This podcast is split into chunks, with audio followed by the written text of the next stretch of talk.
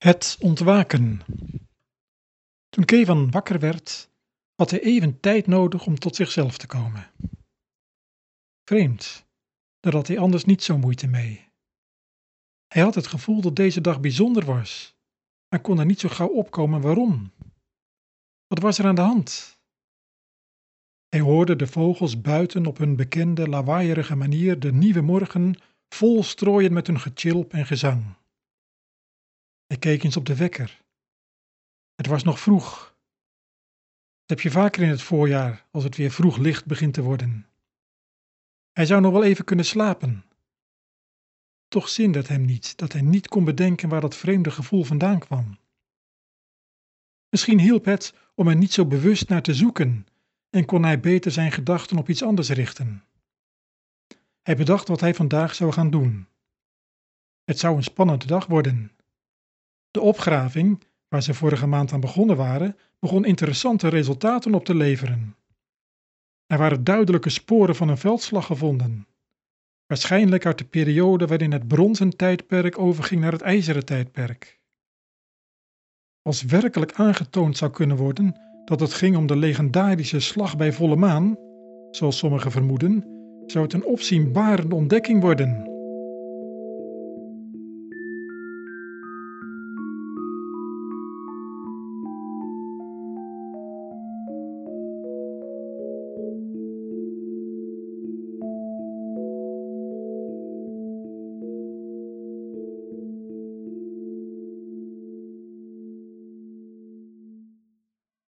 Hij moest toch weer in slaap gevallen zijn, want hij werd wakker doordat Brinda hem plotseling aanstootte. Ik even, word eens wakker! Wat? Hoezo? Wat is er aan de hand? Ik ben geloof ik een beetje in de war. Wat is er dan? Voel je je niet lekker? Dat niet, maar er is iets wat ik niet helemaal begrijp. Dat is vreemd. Zoiets had ik een uurtje geleden ook maar ik kon er niet opkomen wat het zou moeten zijn. Nou, ik lig er al een poosje over te piekeren en ineens weet ik het. Zeg het dan, ik ben reuze nieuwsgierig. Goed dan, moet je horen. Ik besef ineens dat de schrijver vandaag met zijn eerste verhaal is begonnen. Voor Kay van was het of de lucht een moment onder in zijn longen stolde. Zijn gedachten struikelden over elkaar, als bij een menigte die plotseling van alle kanten een leeg plein bestormt, waarbij de mensen aan elkaar trekken en duwen en over elkaar vallen. Er was geen gedachte meer die rustig afgemaakt werd, omdat een ander hem alweer in een andere richting stuurde. Inderdaad, dat is het. Maar hoe kan dat? Wie is de schrijver? Ja, ik, ik weet wel wie hij is, maar hoe weet ik dat ineens? Hoe komen we ineens in een boek? Ik bedoel, ik weet wel dat we door de schrijver in zijn boek worden gezet, maar hoe komt het dat ik dat nu pas besef? Het gek is zelfs dat ik dat gewoon weet. Het is de schrijver. Het komt allemaal door de schrijver.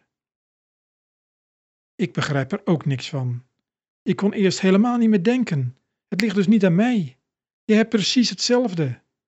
Eigenlijk wist ik het wel, maar ik wil dat zeker weten. Ik dacht even dat ik gek werd. Dit moet het begin van de verhalen van de schrijver zijn. Een paar minuten bleef het stil, terwijl beiden hun gedachten op orde probeerden te brengen. Wat vreemd. Dit is dus het begin, een historisch moment. Maar het ziet er zo gewoon uit, een dag als alle andere. Ja, wie had gedacht dat het begin van wereld zo gewoon zou zijn? Je zou toch denken dat er allemaal heftige verschijnselen zouden zijn, waarbij de elementen zich met geraas aaneen zouden voegen in allerlei vormen en kleuren en wezens. Maar nee, niets van dit alles. Als de schrijver ons niet ineens dit besef gegeven had, zouden we niet eens gemerkt hebben dat de verhalen nu beginnen. Zo gaat het natuurlijk in de meeste boeken. De personages merken er niets van als er een verhaal begint. Alleen als je erbij bent en het wel merkt, besef je ineens hoe raar dat eigenlijk is. Wat moeten we nou? Tja, wat kunnen we ermee? Ik weet het ook niet. Het leven staat nu wel even op zijn kop. Ik ga vandaag niet aan het werk. Die opgraving kan wel even wachten. Ik moet eerst even bijkomen en mijn gedachten weer in het gelid zien te krijgen. Ik zou vanmorgen naar mijn moeder gaan. Ik denk dat ik dat maar gauw doe. Ze heeft het toch al zo moeilijk, nu ze er alleen voor staat. En nou komt dit er weer overheen.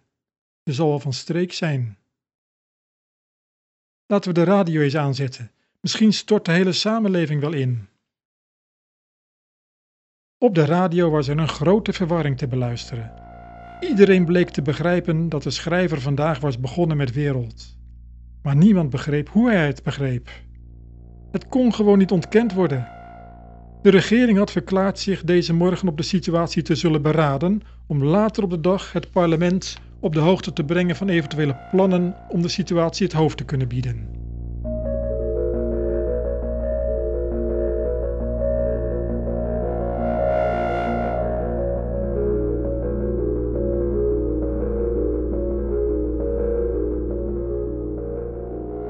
Toen Kevan belde dat hij niet op zijn werk zou komen, bleek wel dat hij niet de enige was.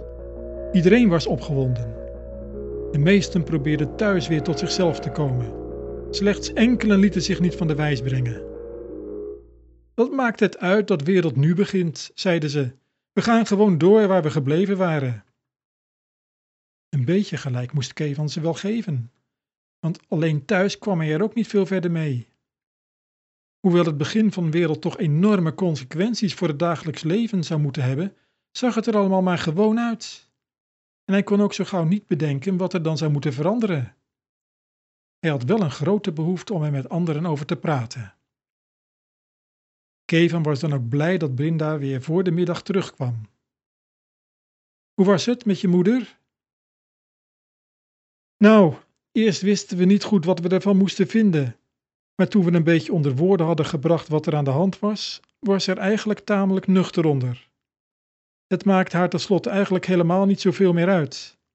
Het kon haar niks schelen of wereld nu net begonnen was of dat het al lang geleden gebeurd was. Het zou haar leven niet zo veranderen als het verlies van vader, zei ze. Ik denk dat ze gelijk heeft. Ik weet eigenlijk ook niet zo goed wat ik hier nou thuis moet doen. Met al dat denken kom ik toch niet veel verder. De tijd zal wel leren wat de gevolgen zijn. Heb je me nog nodig vanmiddag? Nee, ik wil wel even wat rust. Nou, dan ga ik vanmiddag maar weer aan het werk. Erg veel zullen we wel niet doen, want ik denk dat iedereen benieuwd is hoe de ander erover denkt. Die middag werd er inderdaad maar weinig gewerkt. Iedereen wilde horen hoe de anderen erover dachten. Eigenlijk waren ze het erover eens dat het te absurd was om waar te zijn. Maar je kon niet anders dan aanvaarden wat je wist. Ontkennen zou betekenen dat je toegaf dat je gek was. Ja, zelfs dat iedereen tegelijkertijd helemaal gek geworden was. En dan zou de situatie helemaal hopeloos zijn. En aangezien niemand zich gek voelde, leek het beter ervan uit te gaan dat ze dat ook niet waren en dat herinnering aan de woorden van de schrijver ook ergens op gebaseerd was. Dan was het tenminste nog een basis om aan de toekomst te werken. Wat kon je er tegenin brengen?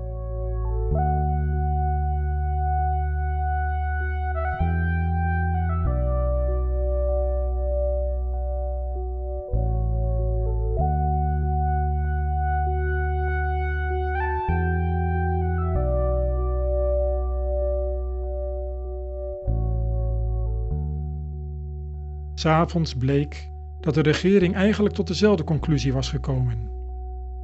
Ervan uitgaande dat deze vreemde herinnering niet ontkennen viel, overwoog de regering dat de samenleving zoals die nu bestond, blijkbaar de bedoeling van de schrijver was geweest, en dat er dus geen ingrijpende maatregelen nodig waren om daar verandering in aan te brengen.